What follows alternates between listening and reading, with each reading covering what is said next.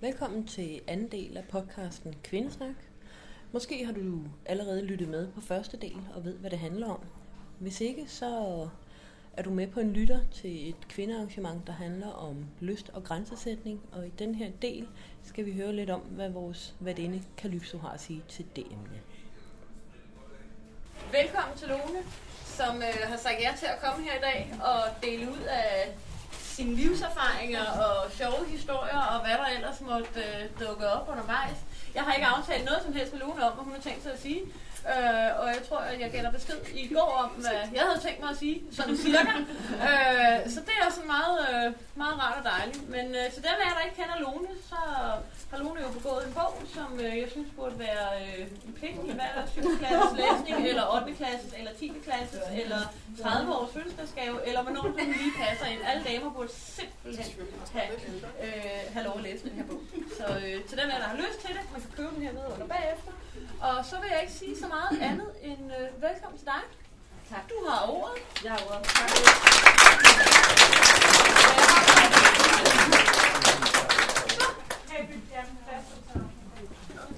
For to måneder siden, der bankede det på min dør midt om natten. Bang, bang, bang. Jeg stod op, åbnede døren, og ned, uden for døren, der stod min underbo og sagde, der er vandskade, det drøber ned i min lejlighed. Nå, for satan, tænkte jeg. Jeg skyndede mig, skyndte mig ind og fik ordnet det i køkkenet, og skulle ordnes, så vandskaden den blev, vand blev stoppet, og der var vandskade. Jeg anmeldte selvfølgelig til min udlejer i den andelsboligforening, jeg bor i, og øh, alt var godt.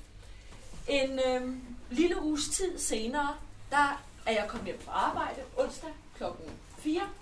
Banker det på døren igen.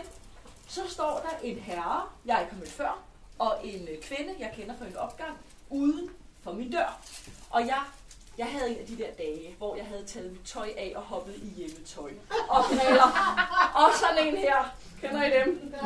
Nå, nu er man bare kommet hjem, ikke? og øh, han, jeg kigger sådan lidt øh, desorienteret ved, åbne døren, sådan her, kan I se det for jer? Og så siger han, ja, øh, Dag, øh, jeg er formand for andelsboligforeningen. Du har haft vandskade. Ja, Øh, ja, det har jeg. Ja, du har haft vandskade. Ja. Det, det, det, er jo, ja, det er jo din underbo. Ja, hendes lejlighed har jo fået en kæmpe vandskade også. Ja. Okay. Og jeg tænkte sådan lidt. Hvad vil du? Præcis. Hvad vil du? Og de stod sådan og trippede lidt. Og jeg var sådan, Ja, jeg har anmeldt det til Andreas, det har ham, jeg leger lejligheden af. Altså, alt skulle være i orden. Ja, du har jo fået vandskade. Hvad fanden foregår der her?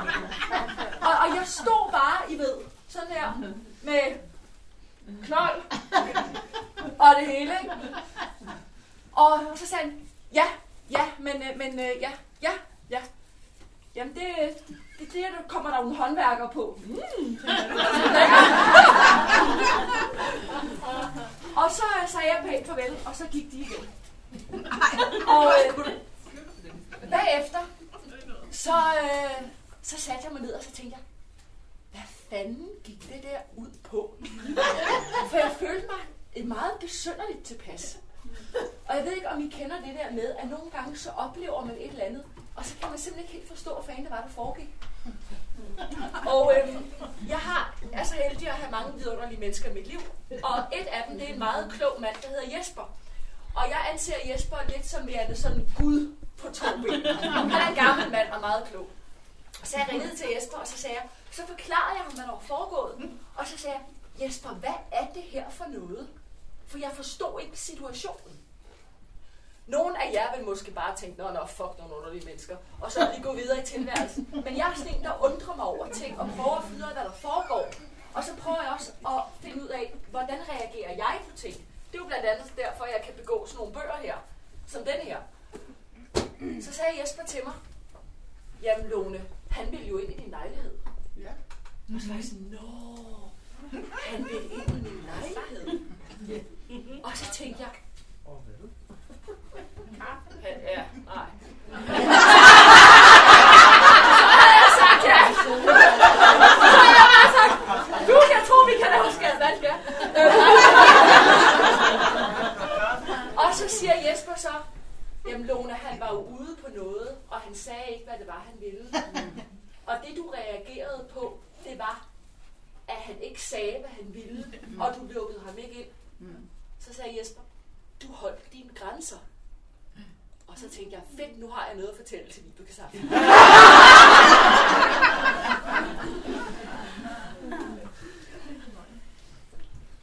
Efter at Vibeke, som jeg jo er velsignet at være veninde med, spurgte om jeg ville give mit bidrag her i aften, så har jeg tænkt en del omkring det her med grænser. Og jeg har også googlet det, for det er jo det, man gør. Og øhm, når man googler grænser, så kommer der så noget med Danmark og Tyskland.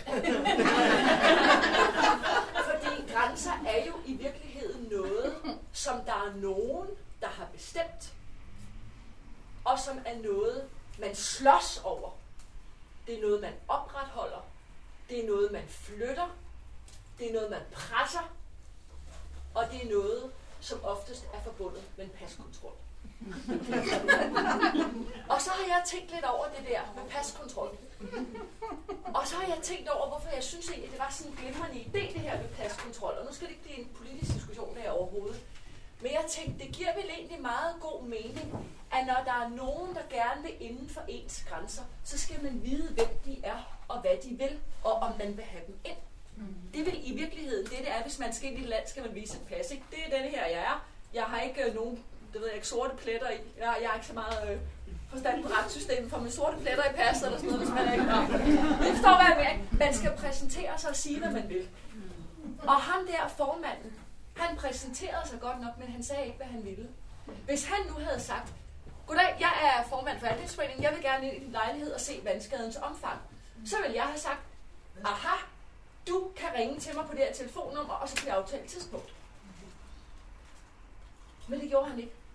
Han sagde ikke, hvad han ville. Og jeg var så pisse sej, og det var ikke engang med vilje, jeg var sej, det var så sej, at jeg sådan ikke have ham inden for dørene. Og det, der gik op for mig, det er, at i det øjeblik, da jeg lige fortalte historien, der grinede I alle sammen. Ikke? Og det var fordi, I kunne godt mærke den der ubehagelighed. Og jeg har vist jer det fuldstændig, som det foregik. Jeg stod sådan der. Ja, jeg har vandskadet tre gange, sagde det. Rimelig awkward, ikke? Men jeg, kunne, ja, men jeg kunne stå i ubehaget. Og det, som er allervigtigst i hele denne her snak om grænser, det er i virkeligheden, at man kan tolerere, og man kan være i ubehag. Mm. Og det er ikke rart. Det er det ikke. Absolut ikke. Men det bliver man nødt til at lære sig. Og der kan man vej ud Sådan. Ja. En swingerklub er et rigtig godt sted at øve sig. Har jeg hørt.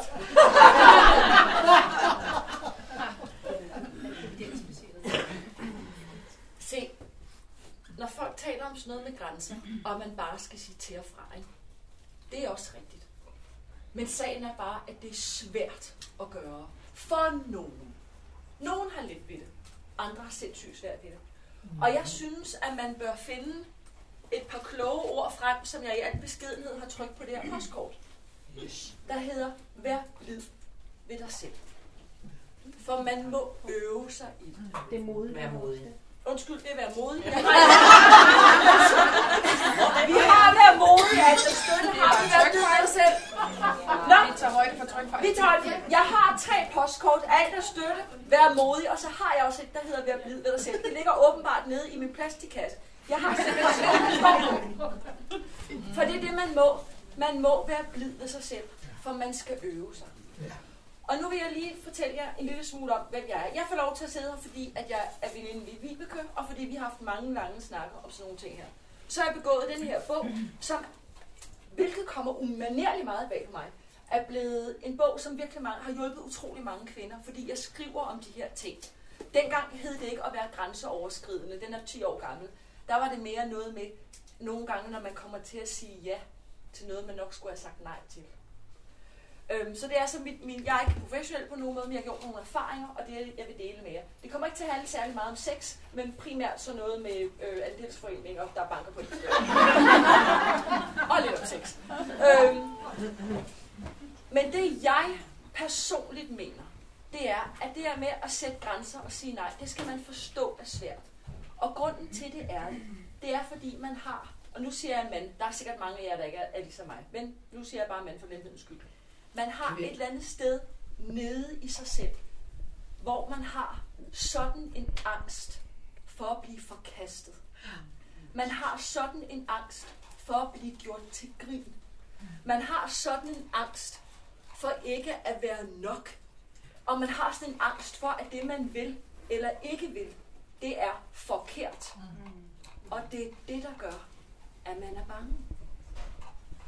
Men det er jo også sådan, at dengang vi som menneskehed boede ude på savannen, der var det livsfarligt at blive kastet ud af flokken.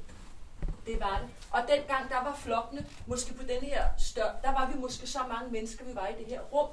Og derfor var det en virkelig dårlig idé at gøre sig utilbens med andre. Kan I se det?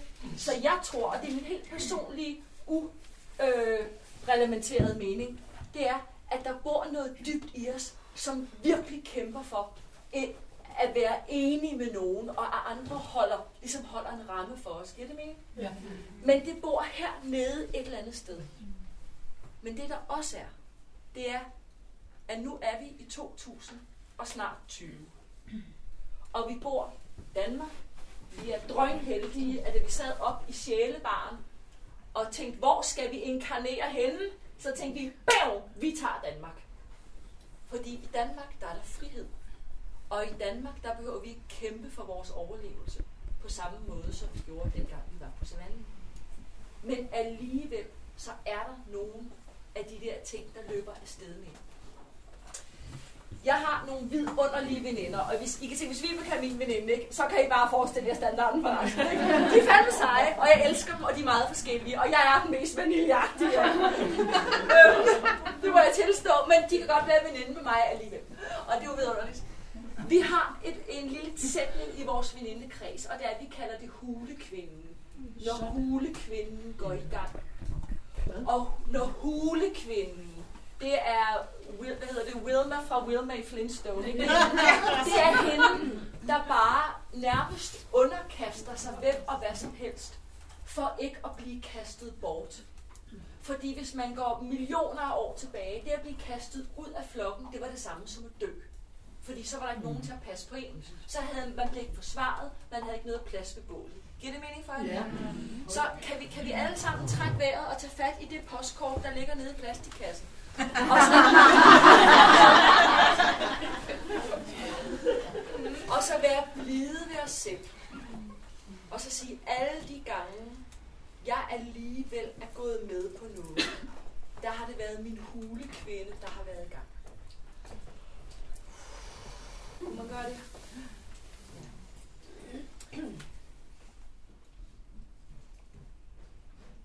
For at være så skal man udvikle noget andet i sig selv end sin hulekvinde. Og det kræver hjælp, og det kræver støtte, og det kræver et miljø, hvor man kan spejle sig selv i noget. Det, som jeg hørte øh, dig, smukke dame, sige, det var, at her i det her miljø hos Vibeke i CS, der er der mange, der føler, at der kan man bare komme, som man er. Man kan være, som man er. Alle folk er åbne. Det er jo løgn. Fordi alle mennesker har jo alle deres fordomme med i rygsækken. De bruger dem bare ikke, når de er her. For der er rigtig mange, der er blevet enige om, her laver vi et frirum, hvor vi kan være os selv. Men det er lidt en illusion. Det er det. I'm sorry. Fordi hvis det var, at vi nu begyndte at snakke om noget andet end sex, så kan I være stensikre på, så kom folk på banen med alle de andre ting, som også er ude i virkeligheden. Men for øvelsens skyld, så kan vi sagtens være enige om, at her, der har vi et frirum. Og forhåbentlig så er man så dødheldig, at man i sit liv har hvis man har en veninde, man en heldig kartoffel. Hvis man har flere, så er man en heldig kartoffelrække. hvor man kan, hvad var En hel mark. En mark. Hvor man kan sige, ej, jeg skammer mig sådan over at sige det her. Men nu siger jeg det til dig. Og så er der en, der siger, Nå, det er en Pornhub-kategori. altså, altså, jeg er ikke lige til det, men whatever works for you. det er fint. Jeg havde sådan en sjov snak med en veninde for nogle år siden, Øh, hun er meget, jeg har en del venner i Jylland, fordi jeg har, øh, jeg har noget forretning i Jylland. Og hun sagde til mig, ej Lone, og jeg kunne bare høre på hende, og nu kommer der en af de store confessions, ikke? Så jeg var, jeg bracede mig selv der, ikke? Nå, det gør man ikke, når man har sådan en der. og så siger hun så noget om sin aften, og hun sagde, ej, hun synes bare, at puh her, og hun havde været sammen med så mange, og så blev vi enige om, hvis der var på, på én gang, så talte det kun som en. nej, nej, nej. Og så fik jeg så lyst til også at bekende noget om mig selv. Og så jeg, jeg har også en fantasi. Jeg kunne simpelthen tænke mig, at der kom en eller anden mand og bare ordnede tingene for mig. Den har jeg også. Den har jeg også. Og for mig var det lige så stort at sige til hende, som det var, at nu havde hun prøvet sit første gangbang. Sådan. Jeg ville have det sådan, hvis jeg godt kunne tænke mig et gangbang, så ville jeg tænke, gud hvor godt, jeg kender Vibeke, så ville jeg tænke, det kunne jeg godt tænke mig at prøve. Jeg vil basically ikke have noget på det. Altså, sådan er jeg skruet sammen, ikke? Men det der med at tænke, ej, hvor kunne jeg godt tænke på, at der kom en eller anden og ordnede alt for mig, for jeg er så træt. Det er der ikke særlig meget kongruens med, når man har skrevet sådan en bog. Så vi render alle sammen rundt med ting inden i os, vi skammer os over. Og det, jeg synes er værd at huske, det er, at det, som man skammer sig over selv, for andre mennesker, der kan det være sådan, ja, yeah, altså jeg kan ikke lige det forstå det, men whatever works for you, altså. Og det, jeg også har lyst til at sige om skam, det er, at man skal ikke fortælle alt om sig selv til alle. Det er en uskik, og det er ikke på sin plads, efter min mening. Fordi de intime dele af sig selv, det er ikke noget, alle ens veninder nødvendigvis skal delagtiggøres i. Fordi om end de måtte have kærlighed til en, så er det ikke det samme, som at de har software til at forstå det. Og kender I det, når nogle mennesker, når der er noget, de ikke forstår, så bliver de sådan, altså det kan jeg altså ikke for, overhovedet ikke forholde mig til det der. Og det er bare ikke det, man har brug for at høre det. Og derfor skal man vælge de mennesker, med hvem man deler sit indre med omhu. Og man kan finde dem her, og det er jo fantastisk. Men jeg ved, at der er masser af mennesker ude for det her rum, der faktisk besidder væsentligt mere rummelighed, end man giver dem credit for. Men måske kræver det nogle gange, at man viser noget af sig selv, for at opleve, at mennesker faktisk tager det til sig. Ja, Handler det ikke også meget om, at man ikke nødvendigvis er bevidst om de grænser, man sætter over for folk? At det ligesom er så naturligt for en at tage en facade på, og så lægger man på og på og på oven på den her facade, fordi man er så vant til at have den, så man er ikke opmærksom på, at det faktisk er en grænse, som kunne være rart at åbne op for. Først når man finder fællesskaber og rum, hvor man ligesom føler sig tryg, og hvor der er sådan et solidt fundament af kommunikation, at men faktisk, at det går op for en, at når det, jeg troede var mig selv, var faktisk en facade, jeg havde lagt på. Det er en vigtig del af det. fænomenalt formuleret. Og jeg kunne forestille mig, at mange, der tiltrækkes af miljøer, hvor der er åbenhed og hvor der er plads til alle, og som Vibeke så smukt har skrevet på denne her fine lille flyer, der ligger nede i indgangen. Her er alle lige kønne og lige skønne. For det er jo det, man tvivler på, om kan være rigtigt. Helt dernede under det hele. Men, men hvad nu, hvis det er rigtigt? Og hvad nu, hvis det er okay, at man ikke er skøn hele tiden? Og hvad hvis det ikke gør noget, at man heller ikke er køn hele tiden? Og hvad hvis det nu ikke gør noget, at man ikke er den smukkeste i rummet? Eller man ikke er hende, der sprøjter længst, eller kan tage flest med. Eller hende, der bare siger, du kommer bare ind i min lejlighed, kære andelsforeningsformand. Hvad, hvad hvis det nu er okay, at man er sådan? Ja. Øhm, hvad vil være dit bedste råd til en person, som måske ikke kender sine egne grænser overhovedet? Hvad er den sundeste måde at ligesom lære dem at kende på?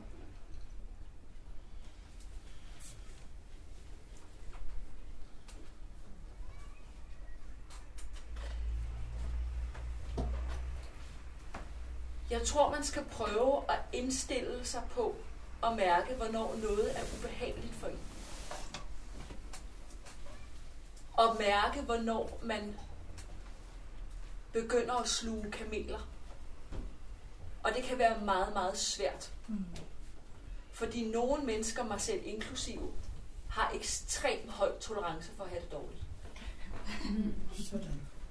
Og der er især i det spirituelle miljø, hvor jeg har været, som jeg har været en del af, siden jeg var 16 år, jeg er snart 42, der er der en tendens til, at hvis noget ikke føles rart, så skal man bare hæve sig over det, eller man kur i retrograd eller alt er en spejling. Og det er min erfaring, at det er det også. Men sagen er, at det kan bare stadigvæk være, at der er noget, man skal kigge på. Så på svaret til de spørgsmål, så er det at prøve at være ærlig, og så prøve at få sig selv til at forstå, at bare fordi noget er ubehageligt og vemmeligt, så når man er voksen, og noget er ubehageligt og vemmeligt, så må man tage sig selv i hånden, og så stå med det.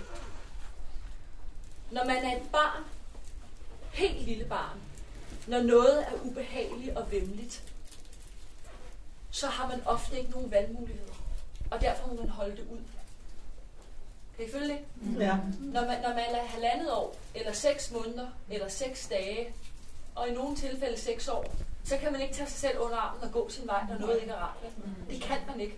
Så derfor må man udvikle nogle mekanismer, som jeg ikke har forstand på, som gør, at man kan holde ud og være i noget uden at knække.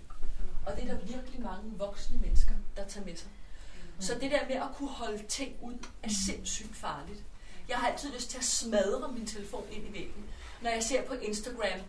Don't stop when you're tired, stop when you're done. I ved, sådan noget i den stil, hvor man bare tænker, nej, det er ikke rart, det der. Øh, jeg bliver altid frustreret. Ja. Men, men der er vel også nogle ting, som er ubehagelige, som i virkeligheden er sunde, såsom at, at sidde her og holde et foredrag. Det var vel ubehageligt første gang, og nu er du god til det. Altså, det er hvad jeg mener. Det der med udvikling, hvornår er noget, der er ubehageligt sundt, og hvornår er det usundt.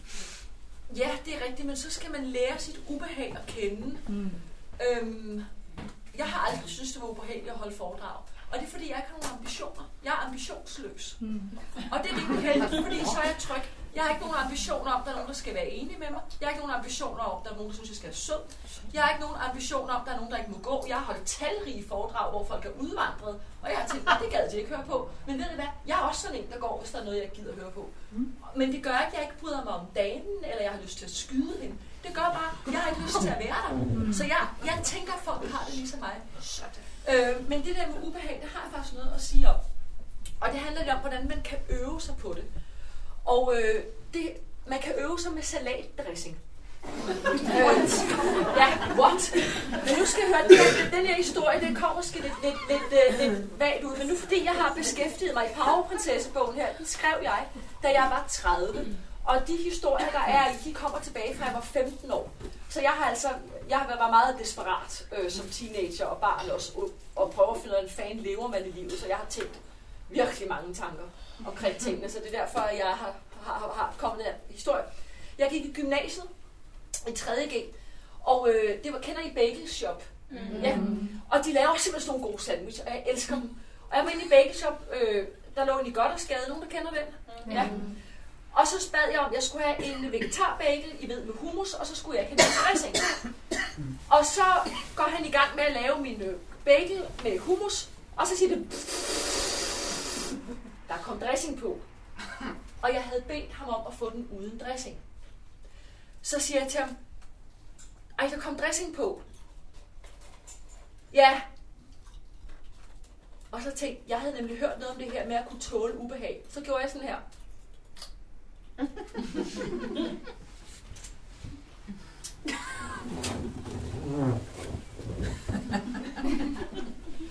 Og han stod og kiggede på mig, og jeg stod der. Og det jeg gjorde, det var, at jeg holdt på alle mine ord.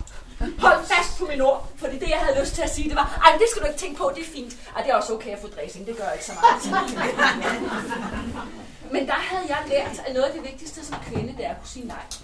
Så jeg stod sådan her, og så, og, og så der, var, der var tavshed i et stykke tid. Og så siger han, Nå, men jeg kan bare lige uh, skrabe det af her. Og så samlede jeg alt min livmoderkraft, som jeg gik op i dengang. Min veninde Sofie og jeg, vi havde på været på sådan noget shamanistkursus, så jeg var bare klar med mine uh, ting og sager der. Og så sagde jeg, nej tak, øh, jeg vil ikke have dressing. Jamen, jeg kan bare lige skrabe det af. Nej, for så er der jo stadig dressing på. Og ved I hvad? Kan I gætte, hvad det endte med? Ja. Lad ny. Han lavede ny. Sådan. Og ved I, hvor ubehageligt det var? Altså, det var faktisk, hvis I ved, man siger konfirmation, det er der, hvor man går ind i de voksne rækker, ikke? Jeg gik ind i de voksne rækker i sjov.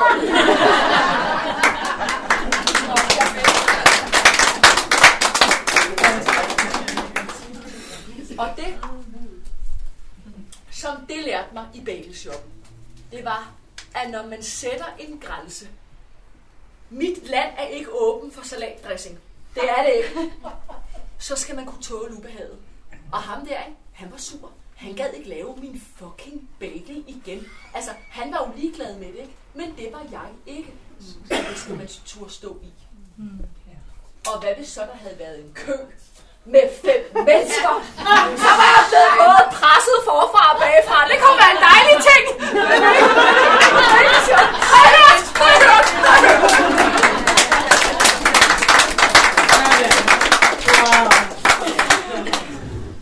Ja. Så vi kan vi så lære det her. Min ydmyge, mit ydmyge bidrag til det her, det er, at grænser er ikke noget, der skal brydes for vold og magt. Grænser er noget, man skal forholde sig til. Og så skal man lige undersøge, om de grænser, man har, er nogen, man selv har sat, eller om det er nogen, der er andre, som har sat for en. Så skal man også undersøge, om de egentlig giver mening i visse tilfælde. Gør de det? For i nogle tilfælde, så giver tingene faktisk mening. Man skal også forholde sig til, at det vigtigste, man skal lære sig, i min optik, som kvinde i denne verden, det er, at man skal turde tåle ubehag. Man skal kunne, turde, man kan, skal kunne stå i pres. Og man må simpelthen bare lære sig det. Og det er ikke sjovt, og det er ikke hyggeligt, og det er ikke fornøjeligt, and it sucks. Og det man kan gøre, det er, at man kan tage mit fine postkort her, og så kan man skrive til mig på Instagram, hvis man står i noget, så skal jeg prøve at komme med en sætning.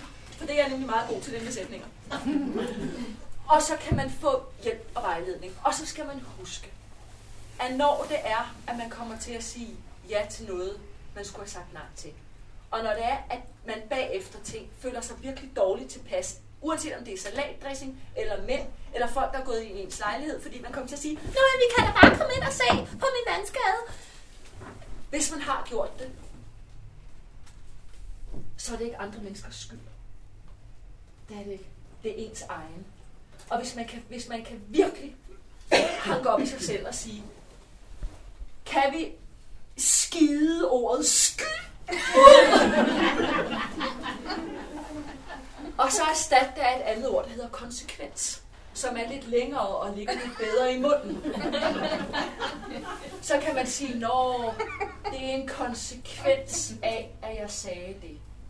Eller det her er en konsekvens af, at jeg ikke sagde det. For så er det ikke min skyld. Så er det bare en konsekvens. Og konsekvens, er det ikke lidt nemmere at have med at gøre end skyld? Jo. Er det ikke det? Konsekvens. Kaviar. Øhm,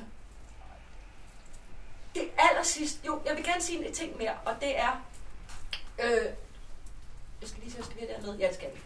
For nu er vi jo trods alt i det her miljø, vi er, og tak til Vibekøl for at åbne dørene. I øvrigt, by the way, det er et stort arrangement, du har sat på benene, og kilder frit for os alle sammen. Tak for det. Det er, nogle gange, så kan man... Ej, nu siger jeg mand, og det er ikke rigtigt, fordi jeg har faktisk ikke selv sådan øh, lige personligt, men jeg er også vandmand. Kender I det? Det er altså, det er altså godt astrologi, der man kan trække, man kan trække vandmandskort, ikke? Jeg er vandmand, så det har hverken skyld eller konsekvens omkring det der. Øh, men det, som jeg har hørt, der er nogen, der har noget omkring, det er, at hvis man nu siger nej til nogen, så er der nogen, der kan komme til at få det rigtig dårligt, og så er det synd for dem. Hvad hvis der nogen var nogen, der kom med deres tissemand i erigeret tilstand, og så man sagde, mm, nej tak til det. Eller hvad hvis der nu var nogen, der kom og gerne ville noget med en, og så man sagde, nej tak til det. Jeg har som sagt skrevet Powerprinsesse-bogen her, og noget jeg også har lavet, det er, at jeg har lavet noget, der hedder Karma-klubben. Er nogen, der har hørt om Karma-klubben? Ja. Karma-klubben er en øh, dansefest, og den har øh, bredt sig som ringe i vandet i hele Danmark. Og så jeg bliver rigtig tit spurgt af mennesker, om jeg vil lave ting med dem. I ved alt muligt, halløj. Og, og rigtig ofte siger jeg ja, og rigtig ofte siger jeg nej. Og, og, og, og grunden til, at jeg er god til at sige nej, det er, at jeg har ikke en antagelse om, at det er synd for nogen, at jeg siger nej til dem. For jeg tænker lidt, hvad fanden gider de med mig? Så jeg ligger faktisk allerede så langt nede under, at jeg tænker, altså, der er jo ikke nogen, der kunne blive såret af, at jeg sagde nej til dem. Sådan, sådan er det inde i mit hoved, og det er derfor, jeg tænker sådan. Men jeg ved fra andre mennesker, jeg har talt med de her ting om, at de kan føle, hvad nu hvis jeg siger nej, så bliver de kede af det, og så er det jo synd for dem. Er der nogen, der kan... Er, jeg skal lige have brug for at vide, der er nogen, der, der også har det sådan, så kan jeg tale til jer. Ja. Hvis det er, at der er nogen, man ikke vil gøre kede af det, ikke? så bliver man simpelthen bare nødt til at bide det sure æble og gøre det. Og der er ikke noget, der er ikke noget stille om. Og selvfølgelig skal man ikke jorde folk lige i hovedet. vel? Altså, det er der ikke nogen grund til. Men man bliver nødt til at skuffe folk ind imellem.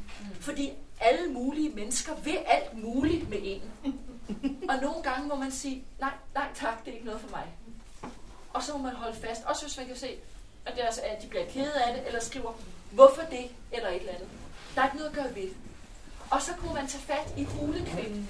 For kunne det være hulekvinden, hvor end hun bor henne, som tænker, åh nej, hvis jeg nu gør nogen ked af det, når så jeg er sulten, så deler de ikke deres brød med mig. Kunne det være sådan noget? Kan I se det? Kunne det være noget andet, der er på spil? Og så er det i virkeligheden en selv, man ikke Altså man vil ikke selv have konsekvensen, kan I se det? Så når man er oppe på sin hvide hest om, at når jeg vil ikke gøre andre kede af det, konsekvensen vil være hvad? Så ender det altid med et eller andet med en selv. Det er ikke særlig kønt at kigge på, men det er der. Mm. Og jeg kan fortælle det, fordi jeg har gjort det så meget selv. Ikke? Så, så, så alt, det er fint at have det sådan. Det sidste, jeg vil give jer med, det er et par sætninger, som jeg håber, I kan bruge til noget. Og hvis det er, at I ikke kan bruge det til noget, så kan I eventuelt prøve at mærke, hvor ubehageligt det har været for mig at sige det. Og så kan I stille jer ovenpå det, og så kan I få lidt mod til næste gang, I selv skal noget. Jeg, øh, hvor I skal sige nej, for kender I det? Nogle gange, jeg har sådan nogle gange, så tænker jeg, jeg kan ikke rigtig, jeg, jeg har svært ved at gøre det her for mig selv men jeg kan gøre det for min veninde. Altså, jeg kan gøre det for nogen andre. Jeg kan tage det for holdet. Har I den følelse, nogen af jer? Jeg ved ikke, om det er en vandmandsting eller hvad. Men Nej, det er en almandsting. det er en almandsting. Yes. Godt, så skal jeg en gang. Jeg havde engang øh, noget, kender I det, man kan møde nogen, og så siger det bare, "Brrrr", og så står alle klokker og bimler, og hele øh, prinsessen hernede siger, "Brrrr", og, og man bliver sådan helt, kender, har I haft den følelse med nogen mænd? Ja. Okay, godt. Jeg havde stillet med en gut en gang, og vi skulle så mødes på et hotel, og der var lagt op til det helt store. Og så tog han mig sådan, og det var dejligt, og han holdt mig, og jeg elsker, at vi holdt. Og så tog han mig i håret sådan her, og så hæv han tilbage. Og jeg er en af dem, der hos frisøren børster mit eget hår ud, for jeg har ømme hårrødder. Så jeg bryder mig ikke om at blive hævet i håret. Så jeg satte hænderne på hans bryst, og klikkede helt ud af energien og sagde, jeg kan ikke lide at blive revet i håret. Jeg har ømme hårrødder. og hans råd stod meget stærkt. Og det sagde "Ru!" Og det hele sker, så det faldt, jeg, det faldt til jorden. og det var blevet opbygget gennem månedsvis, ikke? Jeg kigger lige over på min veninde der, for hun ved godt, hvad jeg snakker om. og så sagde han, øh, og jeg sagde, det går simpelthen ikke det her, fordi jeg var bare slukket. Og øh, så endte vi på det her hotelværelse med, at øh, at lægge os med Matador.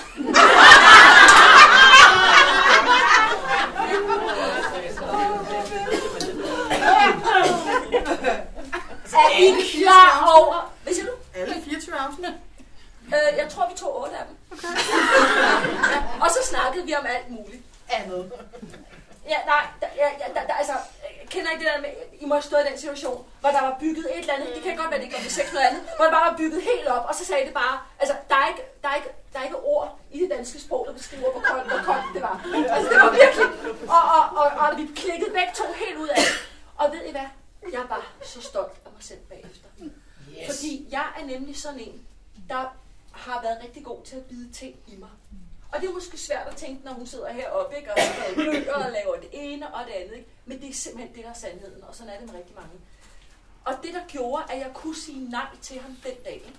det var, at jeg for noget tid siden havde haft en oplevelse, hvor jeg var blevet gravid og havde fået en abort. Og det er også beskrevet. Er nogen, der har læst den her bog? Nogen af jer? Ja. Der er et, et, øh, et kapitel om, da jeg fik en abort.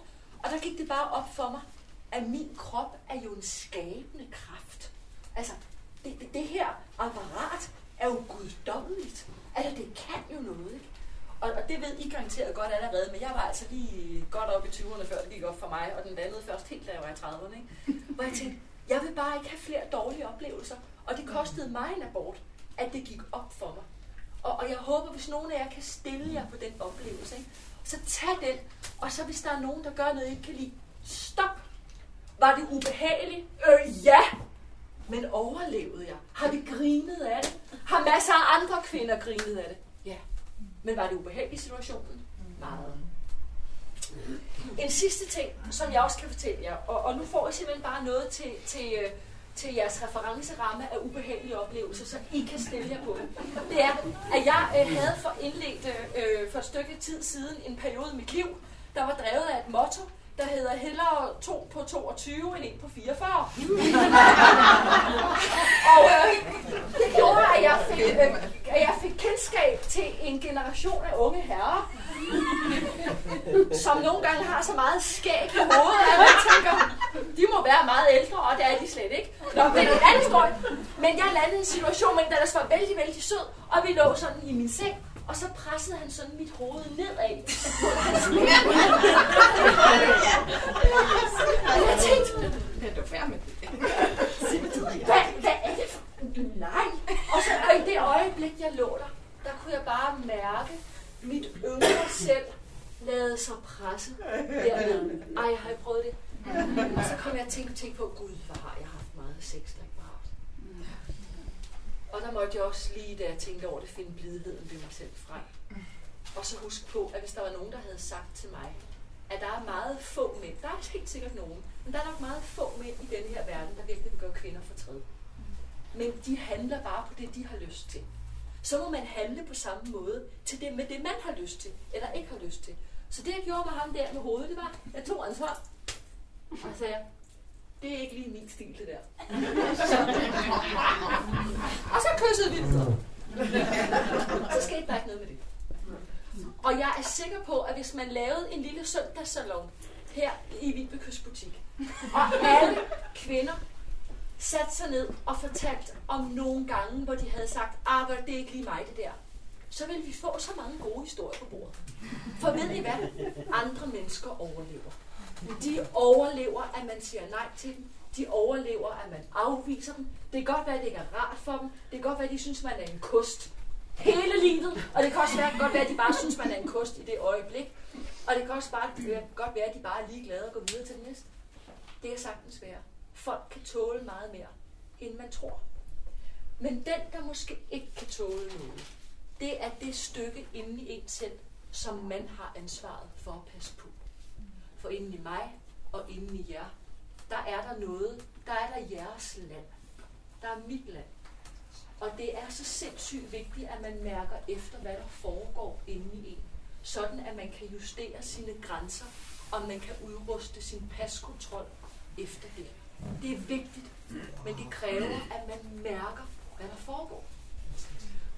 Og afslutningsvis, der vil jeg bare give jer et eksempel på det. Jeg er stor fan af Vibekøs butik. Jeg har frekventeret den selv.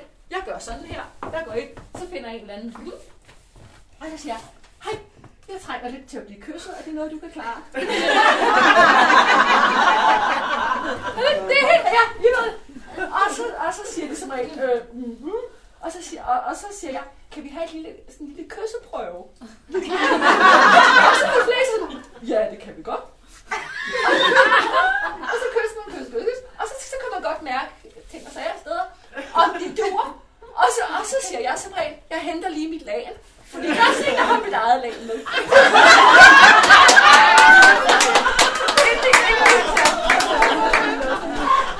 Ind i parrummet derinde, jeg skal, jeg skal kigge hele på i offentligheden, jeg skal ikke kigges på, når jeg dyrker sex, så du, du, du. Og så jeg skal have kærestebehandlingen, bestiller jeg venligt, og jeg har aldrig oplevet ikke at få det. Så det er rigtig dejligt. Så man skal huske at bede om det, man gerne vil have. Det har jeg kunne gøre i perioder. Kender ikke, når man har ægløsning. Jeg ved ikke, om det bliver værre, efter man bliver jeg har sådan, jeg trænger til at blive trykket. så kan man jo godt have. Og så man gør det. Og det har jeg gjort i perioder, hvor jeg bare har haft det sådan. Og nu er jeg ked af det. Og jeg vil gerne have en kæreste. Jeg vil gerne høre til en mand, det er min store vilde fantasi, og jeg vil gerne elskes. Så jeg kommer ikke herind, fordi jeg kan ikke adskille tingene. Hvis jeg havde en vidunderlig sexoplevelse med en, så vil jeg gerne have ham med hjem og elske. Så, så jeg kan ikke tåle at komme herind for tiden. Det kan være, det er noget andet, når jeg har ikke lyst, men det er meget muligt. men, men jeg ved ved mig selv, det kan jeg ikke tåle, fordi inden i mig, der længes jeg. Jeg længes efter kærlighed. Og jeg kan ikke køre, jeg kan ikke det her, når jeg har det sådan. Og det ved jeg om mig selv. Så derfor så holder jeg, så kommer jeg ikke herind. Jeg viser ikke pas, når jeg går ind her. Kan I se det? Og det er så vigtigt, at man kan godt sige, at alle andre mennesker skal have deres grænser i orden, men man skal også have sine egne i orden. Kan I se det? Og min erfaring er, at hvis man er klar og tydelig, så er der faktisk flere, end man tror, der, der er interesseret i overhold. Ja. Det var ordene for, for min del. Tak for jeres tålmodighed. Jeg håber, du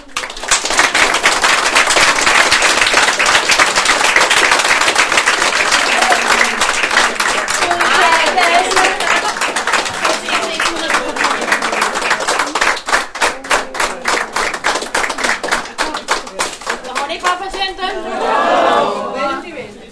Tak. Jamen, øhm, de damer, vi ses heroppe klokken kvart i. Tak, fordi I stadig er her. Og øh, tak, fordi øh, I bruger jeres tid på at sidde her og lytte til, at nogen har noget på hjertet. Øhm, den næste, der har noget på hjertet, det er vores dejlige Kalypso, som øh, uden hende havde der ikke været noget arrangement. Øhm, så lad os høre, hvad hun har at sige. Vær så god. Tak. Nå. Hvor skal jeg starte? Nej. Jeg vil starte med at læse noget højt op for jer.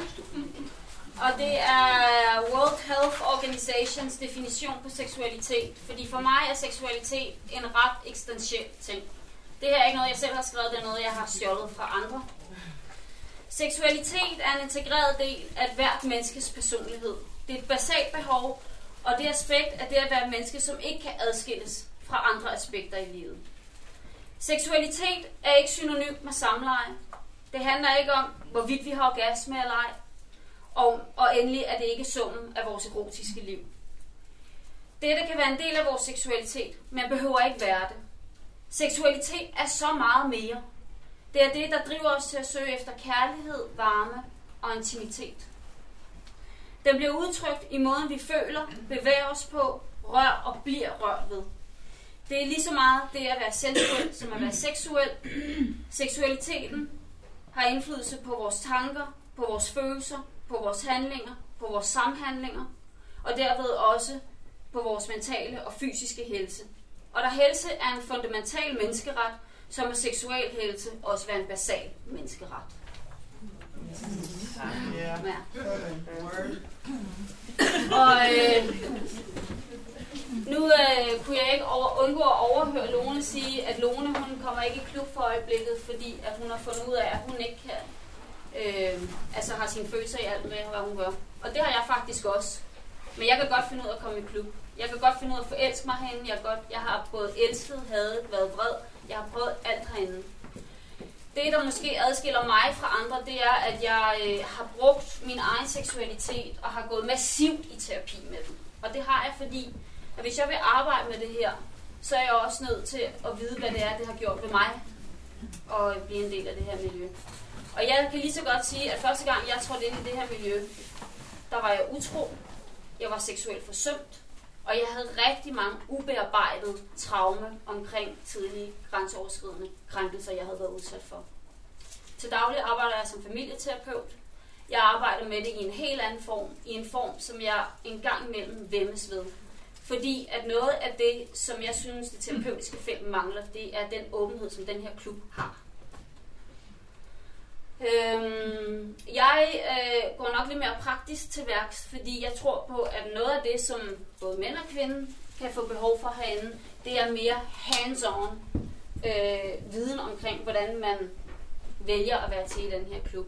Det, som jeg i hvert fald også er meget inspireret af, det er at fortælle jer lidt om, hvad det er for nogle dilemmaer, jeg stod, da jeg trådte ind ad døren. Øh, jeg har ikke ret meget filter. Øh, der er ikke ret stor forskel fra den person, man møder øh, her i klubben, til den, jeg er i virkeligheden. Øh, men jeg er faktisk ret privat omkring det faktum, at jeg er en del af det her miljø. Og hvis, hvis jeg kunne få det lige præcis, som jeg gerne ville have det, så ville jeg, ville jeg være totalt uden filter og stå skrive på Facebook, jeg går i svingerklub. Men det vælger jeg ikke at gøre. Fordi jeg ved, at hvis jeg gør det, så bevæger jeg mig ud på en, øh, på en vej, hvor jeg ikke ved, hvor jeg vil lande. Og noget, jeg rigtig meget har arbejdet med herinde i forhold til mig selv, det er min blufærdighed, min vrede og mit, og mit behov for kontrol. Og jeg har et rigtig stort behov for kontrol. Jeg har så meget brug for kontrol, at jeg har brug for at dyrke sex, for simpelthen at slippe det ind imellem. Og det er derfor, jeg blandt andet dyrker BDSM. Og øh, noget af det, der sker herinde, når man øh, falder til i klubmiljøet, det er, at, man, at graden af det, klubben giver mig, det er en stor personlig frisættelse. Det er også en frisættelse, jeg har i mit ægteskab. Det er også en frisættelse, jeg prøver at møde andre mennesker med, men den er startet her. Øhm, jeg kan huske første gang, jeg kom ind ad døren, så øh, får jeg at vide, jamen øh, om et år så er du til gangbang, så er du bare til det hele. Og jeg sad bare og tænkte, det skal kraftedeme være løgn. Fordi hvis der er nogen, der overhovedet dyrker sådan noget, så må de da være helt ude i hampen. jeg er godt nok glad for, at jeg ikke føler mig så frigid mere, vil jeg sige. Øhm, øh, noget af det, som fascinerer mig rigtig meget, det er i forhold til min egen rejse, det er, hvordan... Øh, altså, man er stadigvæk i gang med at undersøge det her. Hvordan kan man bruge det felt her til at prøve at bearbejde et meget fyre ord, det der hedder traume. Og traume er egentlig, det kan være alt muligt. Det kan være øh, noget, vi har været udsat for i vores barndom, som vi gerne vil bearbejde. Nogle vælger at gå til psykolog og snakke om det. Jeg har valgt at dyrke sex ud af det. Øh, jeg har måske en rigtig stærk platform at gøre det på, fordi jeg har den uddannelse, jeg har. Jeg grunduddannelse af socialpædagog, så har jeg taget en psykoterapeutisk efteruddannelse. Og jeg arbejder med folk hver evig eneste dag, som øh, er i livskriser min, øh, man kan sige, jeg udholder ret mange ting, og det har jeg lært, fordi jeg har lært at overleve tidligt i mit liv. Og øh, jeg har simpelthen vendt det til, at øh, nu skal det være til gavn for mig. Øhm, og jeg kan huske, da jeg træder ind ad døren her første gang, og jeg skal blankt indrømme, altså jeg trædet ind i klubben på et tidspunkt, hvor jeg var utro. Jeg har aldrig følt mig så utroværdig i mit liv, som jeg var, for jeg var nemlig også utro. Og jeg var utro over for en mand, jeg elskede rigtig højt, og stadigvæk gør jeg det, men han kunne bare ikke længere give mig det, jeg havde brug for. Så, og jeg vidste samtidig også, at jeg havde mega meget lyst til piger. Jeg kommer fra et hjem, hvor vi alle sammen er biseksuelle.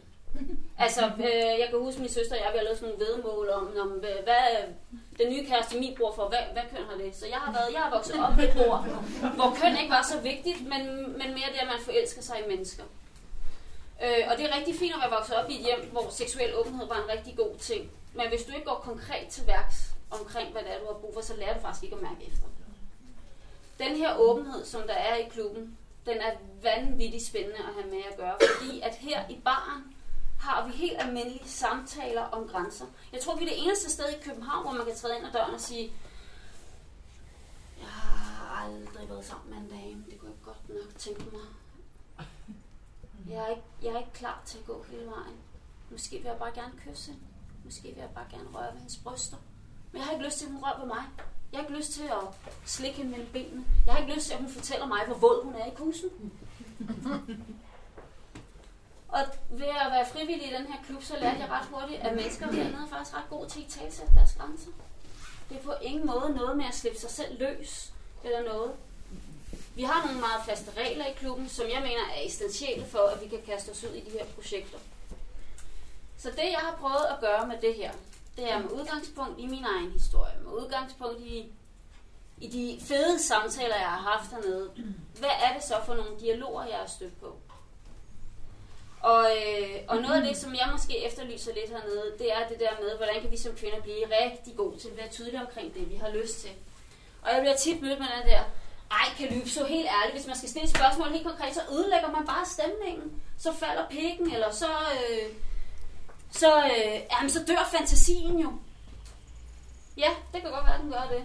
Men jeg siger bare, hellere be safe than sorry. Det er bare det, jeg siger. Øhm, jeg øh, er, er, er i en fase i min seksuelle udvikling, hvor jeg har de første 5-6 år været sådan lidt... Øh, jeg siger hellere fra, før han overhovedet nærmer sig, fordi så ved han, at jeg ikke vil dyrke sex med ham. Så jeg har faktisk haft sådan lidt, lidt et forsvar. Nu er der begyndt at ske noget der er faktisk begyndt at ske det, at når en sød kvinde sætter sig ved siden af mig, så, øh, så mærker jeg efter noget i maven. Ikke forstået på den måde, om jeg har lyst til at have sex med ham, men om... Jeg kigger, vi kigger sådan lidt på hinanden, og så, så siger han, hej, du ser dejlig ud, eller jeg hedder her på Sind 2-3.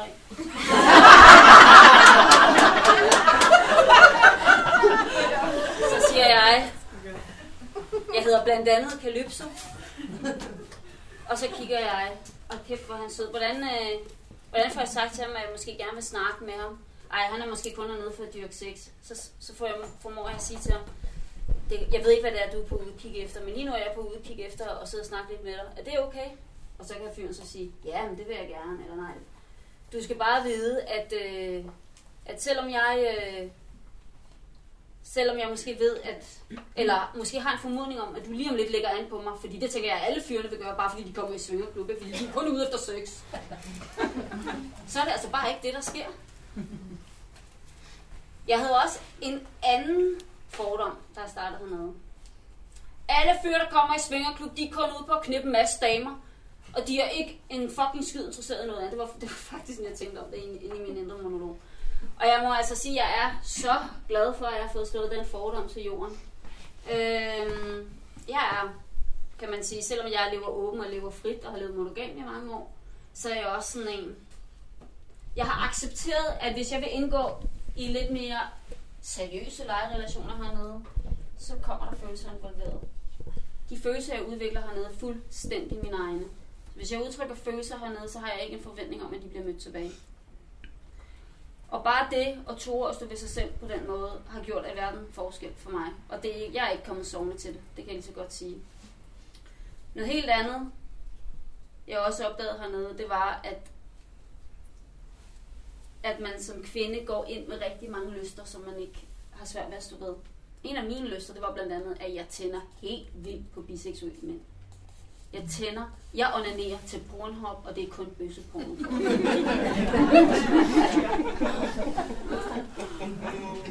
og, øh, og jeg kan huske, at det begynder, så øh, jeg er gift med Beep, og øh, nogle kender ham, andre kender ham ikke. Og jeg måtte gå hjem og fortælle ham, at øh, jeg tænder sgu på det her. Og så kigger han på mig, og så siger han, okay, men jeg tænder ikke på det. Så siger han, hvad gør vi så her? Så siger jeg sådan, jeg ved sgu ikke. Han svarer sådan, jeg bliver sgu lidt ramt, siger han sådan et eller andet sted. Fordi et eller andet sted, så har jeg lyst til at skaffe en fyr, der kan slikke min pik for at gøre dig glad, men det er ikke det, jeg har lyst til. Og så kigger jeg på ham, så siger jeg sådan, jeg har ikke lyst til, at du skal føle dig presset eller få overskrevet dine grænser, fordi at jeg har en lyst, som jeg er rigtig god til at give udtryk for. Fordi sådan er det nemlig også for mænd. De får nemlig også overskrevet deres grænser hernede. Lige da jeg var sprunget ud, der, øh, jeg har faktisk overskrevet rigtig mange mænds grænser hernede. Jeg tror, det har været et halvt år inde i mit forløb. Jeg var helt oppe at flyve. Jeg var blevet skilt. Nu skulle jeg bare leve åben, du, og den skulle bare have hele armen. Øh, jeg kan godt lide at dyrke freaky former for sex, og jeg havde altså menstruation, da jeg gik i klub. Og øh, jeg kan lige så godt sige det, som det var. Jeg skulle bare have noget pik, og øh, jeg var også fuld. Det vil jeg ikke anbefale nogen at være, når de går i sexklub. Øh, jeg er det heldigvis ikke længere. Øh, men jeg fandt et, et offer i baren, og øh, jeg dyrkede sex med ham, og jeg lå med vilje værd at fortælle ham, at jeg havde menstruation, fordi at jeg ville egentlig gerne se det chokerede udtryk i hans ansigt. Ja. Og jeg ved ikke, om det siger noget om den historie, jeg har med mig. Det håber jeg, det gør. Det er seks år siden. Det kunne jeg aldrig finde på at gøre i dag. Aldrig. Øhm, der skete rent faktisk det, at jeg dyrkede sex med den her fyr, og øhm, der var jo blod ud over det hele. Og han synes jo på ingen måde, det var en fed oplevelse. Det kunne man tydeligt mærke på ham. Men jeg kunne da være ligeglad. Jeg havde fået pik, og jeg havde landet mit blod ud over det hele. Og så var jeg da bare tilfreds. Nej, jeg var faktisk bare en stor egoist. Og jeg var en stor egoist, fordi at jeg ikke mærkede efter i mig selv. Det med ikke at mærke efter i sig selv, det er noget, der er muligt her i klubben, men det skal virkelig foregå på en ansvarsfuld måde. Fordi når grænser bliver overskrevet, så er det ikke kun kvinder, der får overskrevet deres grænser. Det er også mænd, der får overskrevet deres grænser. Og øh, Hvis jeg kunne finde den her fyr i dag, og skrive til ham, hvor du hvad, det må du fandme undskylde. Det var altså virkelig ikke ordentligt af mig, så ville jeg gøre det. Nogle gange så går jeg stadigvæk og kigger efter ham, men jeg tror, han er... Jeg håber ikke, jeg har skræmt ham ud af. Det kan sgu godt være, jeg øhm, noget af det, som, som jeg også vil komme ind på, hvilket bringer mig til den næste snak, det er det der med, at man... Øh, når, vi har jo en del kvinder herinde, som ikke er en del af svingermiljøet, og det vil jeg prøve at tage lidt ind i. Men jeg er selvfølgelig farvet af, at jeg har den baggrund, jeg har, og kommer her en del i klubben, så, så jeg taler ind i det igen. Og jeg synes, hvis I, hvis I har det sådan, at I føler, at jeg til side eller noget, så giv lige et præg, og så retter jeg ind til højre igen. Øh, blandt andet noget af det, som jeg øh, øh, har oplevet kan være udfordrende for nogle kvinder, det er det der med at tåre at sige fra i situationer. Der sker jo rigtig meget af det, det der med, at jeg var sgu udsat for noget, men jeg, jeg, øh, jeg skulle først komme i tanke om det nu. Og jeg sad og tænkte, er det muligt, at man kan være totalt liderlig og blive boldet af 20 mænd, og samtidig stadig formår at sige fra? Ja, det tror jeg sgu på, det er. Er det uromantisk? Kan det ødelægge stemning? Ja, det kan det. Kan man, kan man rejse stemningen op igen? Ja, det kan man også. Så nu vil jeg tage udgangspunkt i nogle af mine egne erfaringer. Jeg har lige været med i sådan et uh, setup, der hedder Ballongyngerne. Og jeg kan lige så godt sige det, jeg ved ikke, hvor mange mænd, der var oppe i mig den aften. Og jeg er også fuldstændig ligeglad. Men noget, jeg ikke bryder mig om, det er, at jeg sutter pik på en mand, der ikke har barberet pikken. Så da jeg havde haft den samme pik i munden i, jeg ved ikke, hvor lang tid der gik, lad os sige 5-6 minutter, så måtte jeg altså sige til ham, ved du hvad, jeg vil rigtig gerne sutte din pik, men næste gang jeg har den i munden, så skal den være barberet. Og det gjorde jeg, og det der skete, det var, at han trak sig ud. Og jeg følte faktisk, at selvom det kan virke sådan lidt bombastisk at sige det på den måde, så fik jeg faktisk sagt fra, og jeg synes faktisk, at jeg fik det sagt på en god måde. Jeg ligger ikke, øh, jeg, jeg bestræber mig på at være så anerkendende i måden at sige det på som overhovedet muligt, men når jeg selv ligger og nyder at blive objektificeret, og der sker en masse rundt omkring mig, så prøver jeg ligesom at holde tonen lige i munden. Øhm, det næste, der sker, det er, at øh, det var faktisk, hvor jeg overskred nogens grænser. Øh, vi er jo frivillige her i baren, og en gang imellem så sker det, at vi udvikler lyster for hinanden, og øh, det er to forskellige kasser. Jeg havde fået lyst til en gut her i baren, super smuk fyr, øh, som var kærester med en pige hernede. Jeg havde fået et glas vin for meget, og bare fordi vi er i klubregi sammen, så antog jeg jo, at øh, jeg kunne da bare gå hen og tage ham på røven. Jeg kunne da også bare lige gå hen og nive hans brystvorter lidt, fordi at jeg var jo diva. Jeg var jo bare sådan, som jeg skulle være. Og det der rent faktisk sker, det er, at han vender sig om og siger, du har ikke spurgt om lov. Og ved I, hvad der sker? Jeg bliver rigtig sårbar. Fordi det går faktisk op for mig, at jeg har faktisk klokket i den. Rigtig meget endda. Jeg fik så heldigvis en mulighed for at sige, det er jeg sgu fandme ked af, det må du sgu undskylde. Fordi de her regler, vi har her i huset, de gælder begge veje. Mm? Lige med tilføje, vi deler jo her til karantæne ud her i butikken, hvis, øh, hvis man ikke øh, helt forstår øh, at følge de regler, vi har, og så får man en venlig henstilling, og hvis man så stadigvæk ikke helt forstår det, så, så får man en pause. Og den sidste, vi har givet pause, det er en kvinde. Mm. Mm. Det er godt. Det også kan ske der. Ja. Noget, som også sker i klubben, det er blandt andet det der med, at der er rigtig mange kvinder hernede, som siger ja, men mener nej. Siger ja, men måske ikke ja hele vejen. Og jeg, jeg ved ikke med jer, jeg synes, det er et problem. Øhm, jeg, jeg synes faktisk nogle gange, at det er så stort et problem, at jeg kan tage mig selv i at have lyst til at sige, har du egentlig lyst til, hun slikker dig på brysterne? Altså jeg ligesom har lyst til at sige ja eller nej på andres vegne. Og det gør jeg selvfølgelig ikke, fordi det har jo noget med mig at gøre. Så jeg vil prøve at give nogle eksempler på, hvordan det kan se ud. Og det kan virke meget konkret. Men jeg synes faktisk, det er ret fedt, at vi får lov til sådan at dele det. Fordi at det er også nogle redskaber, man kan bruge. Øh, altså hvis man lever et monogan parforhold, og man aldrig nogensinde kunne finde på at gå i svingerklub, eller hvad det er.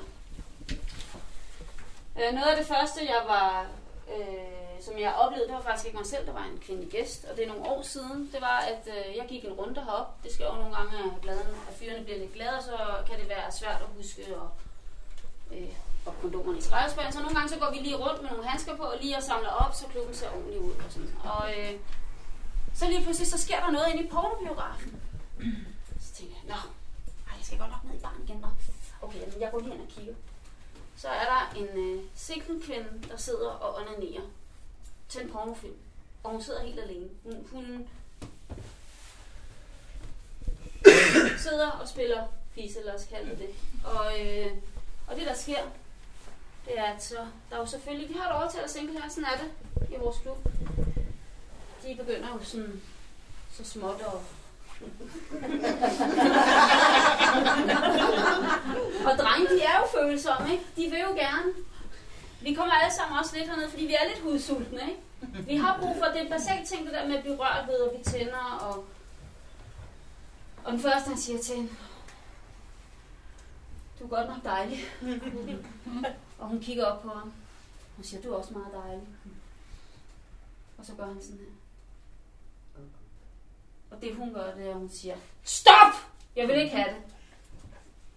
Og fyren, han er helt... Han er helt forskrækket. Og hun fortsætter med at spille. Det, det, der går faktisk 10 minutter, inden jeg opdager, at det, hun havde gang i, det var helt med vilje. Og øh, situationen, for at gøre en lang historie kort, der, stod, der endte faktisk med at stå 10 fyre derop.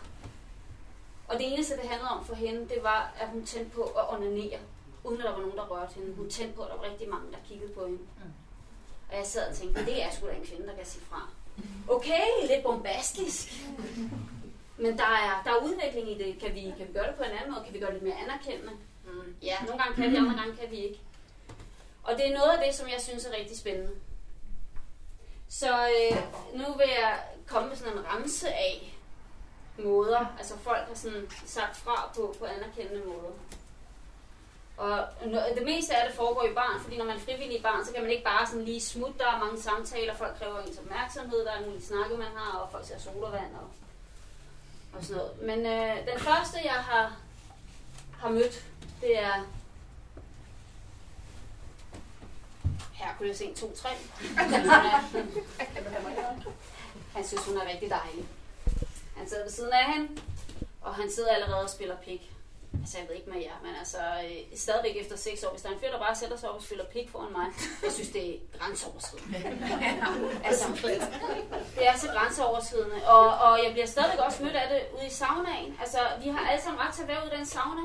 Men jeg ligger sgu stadigvæk med benene samlet, fordi I skal fandme ikke se op i min fisse. Altså. Anyway, Hercules 1, 2, 3. Han sætter sig, og jeg sidder og tænker, fuck hvor er en mand sårbar, når han sidder der. Og han egentlig prøver på at score, ikke? Og han sætter bare sig selv derude, ikke? Altså, øh, vil hun mig, vil hun ikke? Og, øh, og noget af det, jeg har opdaget, det er, at mænd er langt bedre til at blive afvist i den her klub end kvinder er. Nu har jeg selv prøvet at blive afvist, men jeg tror, man er nødt til at prøve det for at forstå, hvad det er, der egentlig sker. Jeg synes faktisk, det er sundt, at alle prøver at blive afvist. Men her bliver 1, 2, 3, han nærmer sig. Lad os kalde hende... Lad os kalde hende... Lisa. Lisa. Lisa, hun sidder. Lisa, hun er forresten øh, topadvokat i et eller andet firma, og hun har altid med nogle drenge at gøre, som siger til og fra. Hun har kæmpet for at få sin position i et firma. Hun har levet i et ægteskab, hun har fået tre børn, de er som voksne og flyttet hjemmefra, og nu var det tid til at gå i sexklub. Og Lisa, hun kigger op på ham, og hun siger, Ja, du, du ser da meget sød. ud."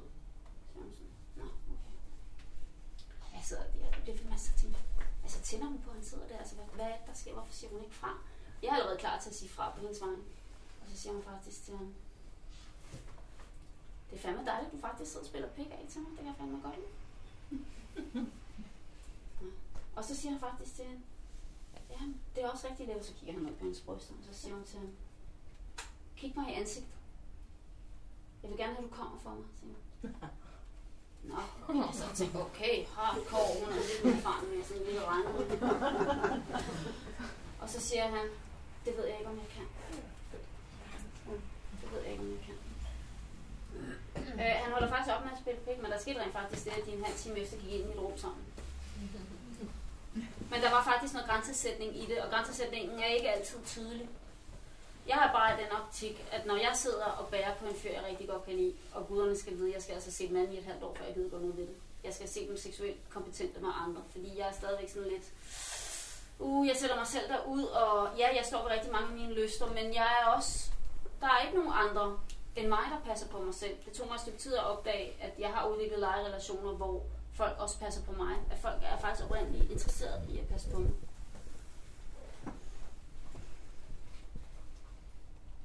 Jeg, øh, jeg tror, jeg ved godt, at folk de siger, at de går i sexklub for at dyrke sex. Og det er der sikkert rigtig mange, der gør. Det gør jeg ikke. Jeg kom, kommer i sexklubben for at blive rørt ved. For at indgå i relationer med mennesker. Og ja, når man står ved det på den måde, som jeg gør, så brænder man også nallerne. Det gør man. Og det er en del af det. Og det der er... Jeg har sådan et, et mantra, øh, når jeg møder nogen, som jeg bliver glad for, kalder jeg det for. Så siger jeg, at jeg vil møde dem hver gang, som om det var den sidste gang, jeg var sammen med dem. Og det gør jo så også, at jeg nogle gange har nogle ret hæftige, intense oplevelser. Fordi at jeg på en eller anden måde, det er det klubben giver mig, at jeg sådan lever livet lidt på kanten. Er der nogen, der har nogle spørgsmål? Men jeg bare bevæger mig derude.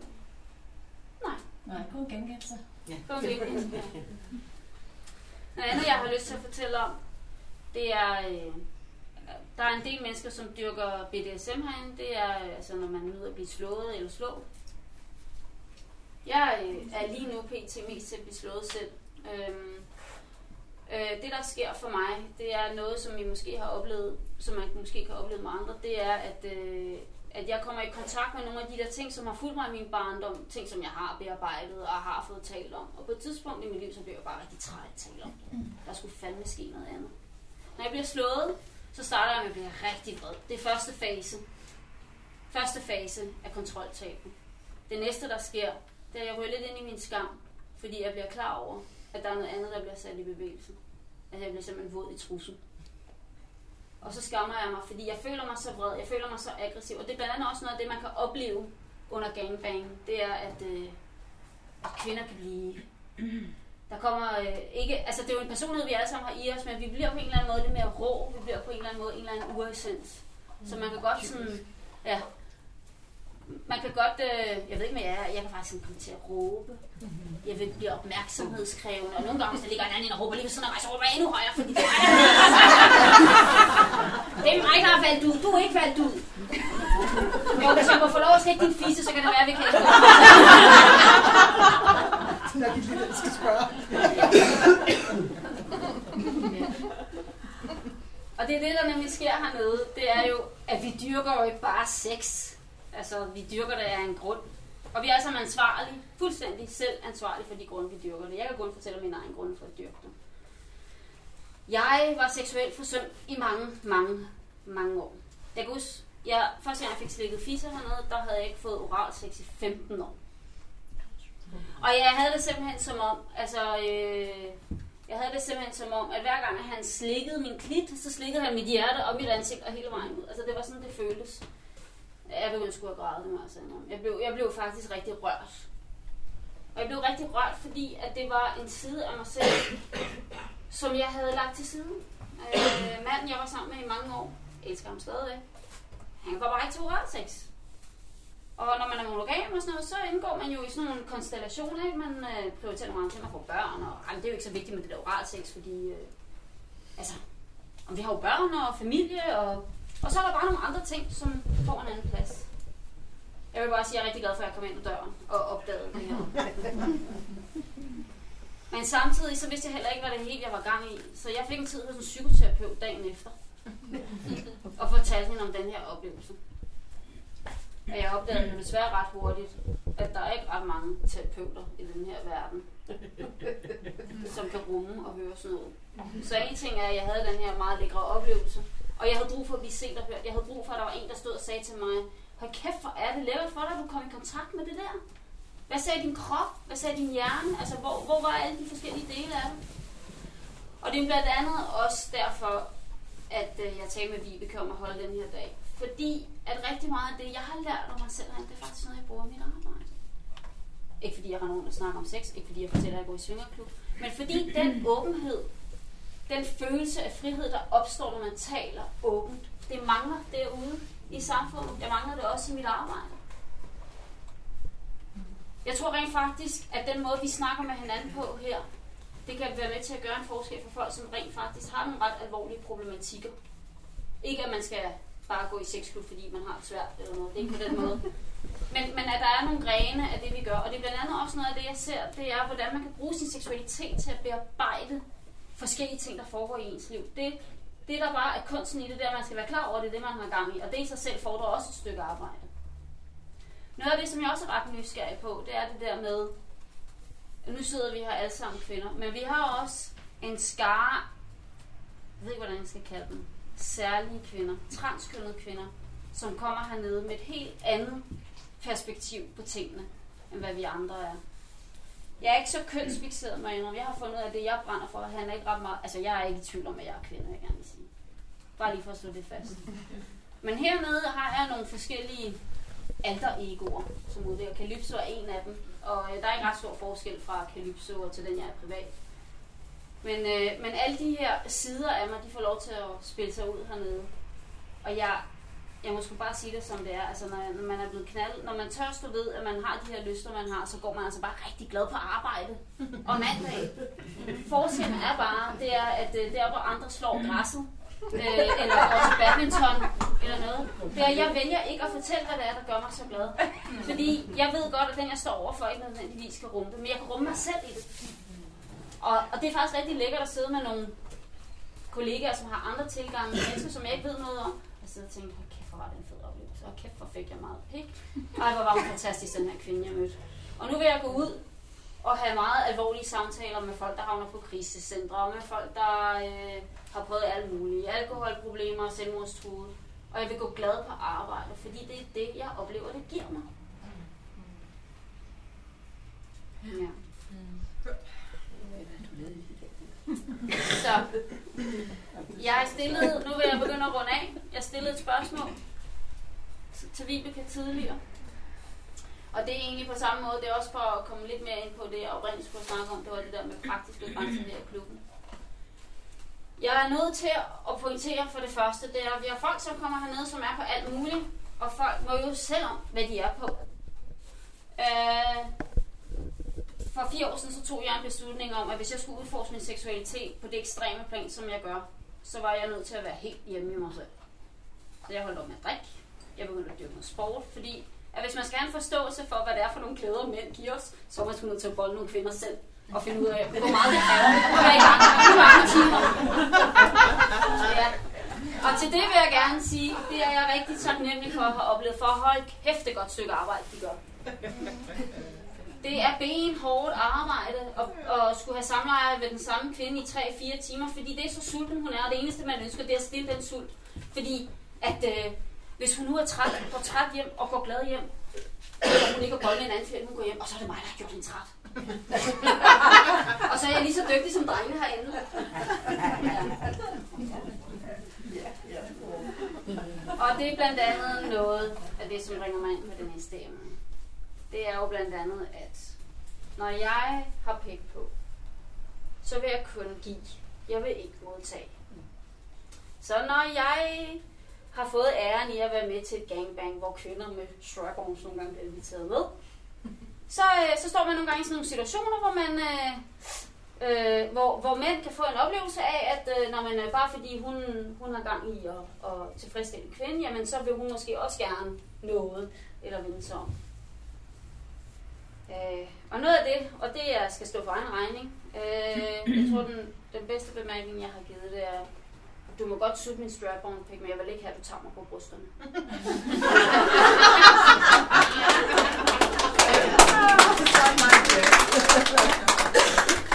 Eller hvis du vil røre ved mig, så må du sutte min pik først. øh, og ja, det er meget tydeligt. Og ja, nogle gange så falder den. Andre gange så rejser den sig. øhm, noget af det, man, noget af det, jeg vil kraftigt anbefale at gøre, hvis man har en historie med sig, hvis man har en historie med sig og har været udsat for ting, som er, har været krænkende, især i en tidlig alder, det er, at man simpelthen slår bremsen i. Man kan godt gøre det her, uden at man skal have en masse terapeutisk hjælp. Så siger jeg bare, så kunne jeg godt tænke mig, at du, står, at du sluger din lyst 15 gange, når du springer over det. Vi har masser af mennesker, som bare kommer herned og kigger. Øh, vi har også rigtig mange, som, som gentager nogle af de krænkelser, som de har været udsat for. Øh, hvor, det, hvor det faktisk bliver en anelse destruktivt. Det gør det. Og nogen bliver først klar over det bagefter. Så hvis man har været udsat for en masse, eller har en historie med sig, der gør, at man er usikker, ved du hvad, kom herned, vær sammen med os i barn. Det er det, vi er her for. Vi elsker at snakke om sex. også frivillige, der står i baren. Fortæl, hvordan du har det. Altså i det, i det omfang, som du har lyst til. Øh, og vær sammen med os. Tør at sætte ord på at sige, ved, jeg, øh, jeg ved sgu ikke lige, hvilket ben jeg står på. Det gælder faktisk alle. Så jeg, jeg sætter mig bare lige her. Eller hvis man har brug for hjælp til noget, altså det er ikke altid, vi lige har tid til at hjælpe, men vi vil gerne, og det kan godt arrangeres. Hiv fat i os. Det er det, vi er her for. Hvis man, øh, hvis man er en af de kvinder, som har været udsat for et eller andet, og bare kaster sig ud i det, ud, du ved, hiver 10 drenge med, og man, det, løber, det løber af med en, så er man stadigvæk 100% ansvarlig for selv at have sagt fra. Men det man kan gøre, det er, at man kan sige til værterne, jeg har bare rigtig meget lyst i aften, men jeg har brug for at være tæt på. Så har man rent faktisk, man har faktisk den mulighed. Man må godt dyrke sex i vores bar. Og man må også godt dyrke sex i privatrummet rundt omkring og sige, øh, jeg ved sgu ikke, om jeg, om jeg egentlig tør gå ind i privatrummet privatrum med ham her. Jeg har faktisk sagt til en kvinde, ved du hvad, hvis det er sådan, du har det, så, øh, altså jeg går nogle gange rundt og samler, jeg kan ikke holde øje med dig, men øh, hvis du vælger at, øh, at være sammen med ham og holde døren åben, så skal jeg nok øh, kigge, se til, hvordan du har det. Men du siger selv fra. Øh, det er blandt andet nogle af de ting, man kan gøre. Noget af det, man også kan gøre, det er, at man øh, kan bruge rigtig meget tid på solosex. En solosex, det er jo onanere og onanere og onanere, så længe det giver mening. For jeg synes faktisk, jo længere tid man går og onanerer herinde, jo bedre. Især hvis man har noget med sig. Fordi at rigtig meget af det, som gør, at man får rigtig gode oplevelser, det er blandt andet, at man mærker efter og trækker vejret, som vi kan nævne det. Det der med, jeg ved ikke med jer, men første gang jeg så nogen blive pisket heroppe, der var jeg, der kørte det sådan her. De er jo syge i hovederne alle sammen. Øj, hvor det ligger fuck. Ej, det kunne jeg måske godt tænke mig. Ej, kan han finde ud af det? Gud, hvor hun sur. Ej, hvor er, det, ej, hvor hun aggressiv. Ej. og samtidig med, at jeg tænker de tanker, så begynder jeg at stå sådan her. og det er så også seks år siden. Øh, og det, det er faktisk noget af det, vi stadigvæk siger til nogle af vores helt nye mennesker. Det er, prøv egentlig bare at blive stående og mærke efter. Og, og hvis man bliver helt overvældet, så kom ned i barnets snak med dig. Jeg bliver stadigvæk overvældet i dag. Altså noget, som jeg har rigtig svært ved, det er bukake. Øh, bukake. Altså bukake er, når kvinder godt kan lide at få rigtig meget sperm. God. Altså, jeg synes bare, jeg skal bare ikke have noget med det at gøre. Så, øh, så vi ved alle sammen, vi kender alle sammen til det der med, at vi har vores grænser. Og os, som har været i klubmiljøet i mange år, vi har også vores grænser. Også helt nede til, at han sætter sig ved siden af mig. Tror faktisk ikke, jeg har mere at sige. Jeg har et spørgsmål. Ja. Hvordan formår du at sætte de der følelsesmæssige grænser? Altså når du siger, at du oplever, at du, du godt kan forelske dig her i Mm. klubben, og du også er forelsket i din mand. Hvordan formår du dig selv at sige, jamen hvor, øh, altså, hvor sætter du de grænser, og hvor... Ja. Øhm, at jeg, øh, jeg kan kun snakke for min eget vedkommende. Ja. Jeg, kan ikke, jeg kan ikke snakke om, hvad andre gør. Øh, men noget af det, som jeg... Øh, jeg kan kun stå inden for mig selv. Så, øh, så hvis, jeg, har- hvis jeg er blevet glad for nogen hernede, så fortæller jeg dem, hvor glad jeg er for dem. Og jeg har, jeg har ikke oplevet, at det er blevet taget ilde op eller noget. Øh, jeg fortæller dem, og samtidig så har jeg ikke nogen forventning om, at det bliver mødt tilbage. Fordi det er udelukket på min egen banehalvdel. Øh, men jeg er bare nødt til at stå ved, at når jeg går i klub, så har jeg mig selv med. Og ja, når man mødes i den samme lejerelation i længere tid ad gang, så opstår der bare noget. Fordi det er menneskets basale behov. Det er uanset hvem vi er sammen med, så har vi behov for at blive rørt ved, og vi knytter os, om vi vil det eller ej. Så når jeg er nede føler til, at jeg er bare hernede for at dyrke sex, så tænker jeg, nej, det er du så ikke. Og det var det, jeg har at sige til.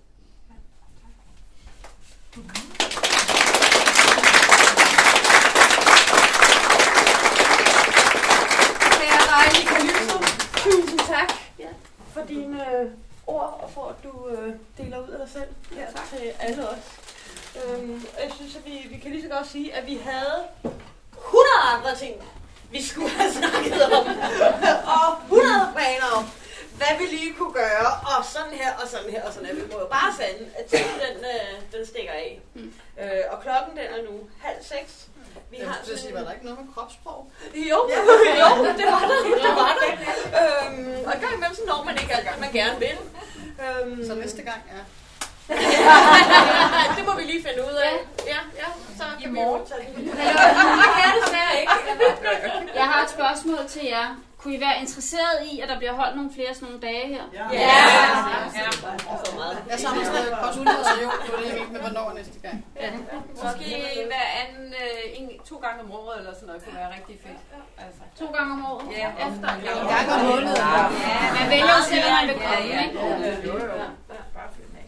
Men det er ret fedt, synes jeg, at høre alle de her historier og meninger. Og, altså, man føler virkelig, at man er en stor familie her ikke sammen. Og vi kan virkelig relatere til alt det her, der bliver sagt i aften. Ikke? Selvom der er måske mange, der ikke siger noget. Så, ja, det er jo rigtig, rigtig fedt. Det jo rigtig dejligt. Og det er jo også rart øh, at høre, at, at øh, selvom man ikke øh, selv nødvendigvis føler, at det har noget med ens egen lyst at gøre, noget, men at man stadigvæk kan relatere til sådan det der overordnede med at lytte til sig selv og ture og gå ind i sig selv og have mod til at lære sig selv at kende og, og være i det, og så efterfølgende også agere ud fra det og udvikle sig i sig selv, med sig selv, gennem sig selv. Men også mere det der med, at man ikke føler, at man er alene. Fordi det kan man jo nogle gange føle, at man er lidt alene, fordi man er måske ikke så meget veninder og venner med, med alle kvinder her i klubben, vel? Så, og får måske ikke snakket med, med en masse andre om ens ting og så videre. Så derfor føler man, at det er rigtig rart, at man ikke er alene. Det er dejligt. Ja. Jeg tænker, at pauserne er, er lige så gode. Det er dejligt. Ja, det er rigtig, rigtig godt. Og kig, kig nogen i øjnene og få en lille snak om, hvor er du henne i det her, og hvor er jeg henne i det her. Og, og den her accept af, at det er okay, om man er her for første gang, eller helt vildt et eller andet, eller har en kæreste eller ikke, og man er til det ene eller andet. Øhm, altså, til, altså, jeg synes, I skal gøre det igen. Det er så dejligt. jeg tænker, at den her en dialogerne imellem, det synes jeg har været enormt fedt. Tak for det. Jeg har, øhm, jeg har sådan en lille afslutningsvis, nu skal jeg lige herom, fordi vi skal til at runde af. Øhm, jeg kommer til at sige nogle sådan helt praktiske ting øh, lige om lidt. Men øhm, jeg har, jeg har 20 stjålet sådan øh, et lille afsnit, der hedder, at den kvinde, som har oplevet at blive dømt på baggrund af sin seksuelle gøren og laden, og som stadig holder fast i sin ret til at nyde på sin egen måde, hun er feminist. For hun nægter at tage hensyn til andre folks antikverede holdninger til kvindens seksualitet. Det er feminisme, så er jeg med en feminist.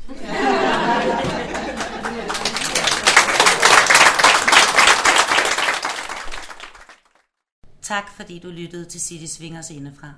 Vi håber, at du synes, det var spændende, og det har inspireret dig til at lytte med igen en anden gang. Vi er jo amatører, og du må bære over med vores små skønhedsfejl. Det viser jo bare, at vi elsker det, vi laver.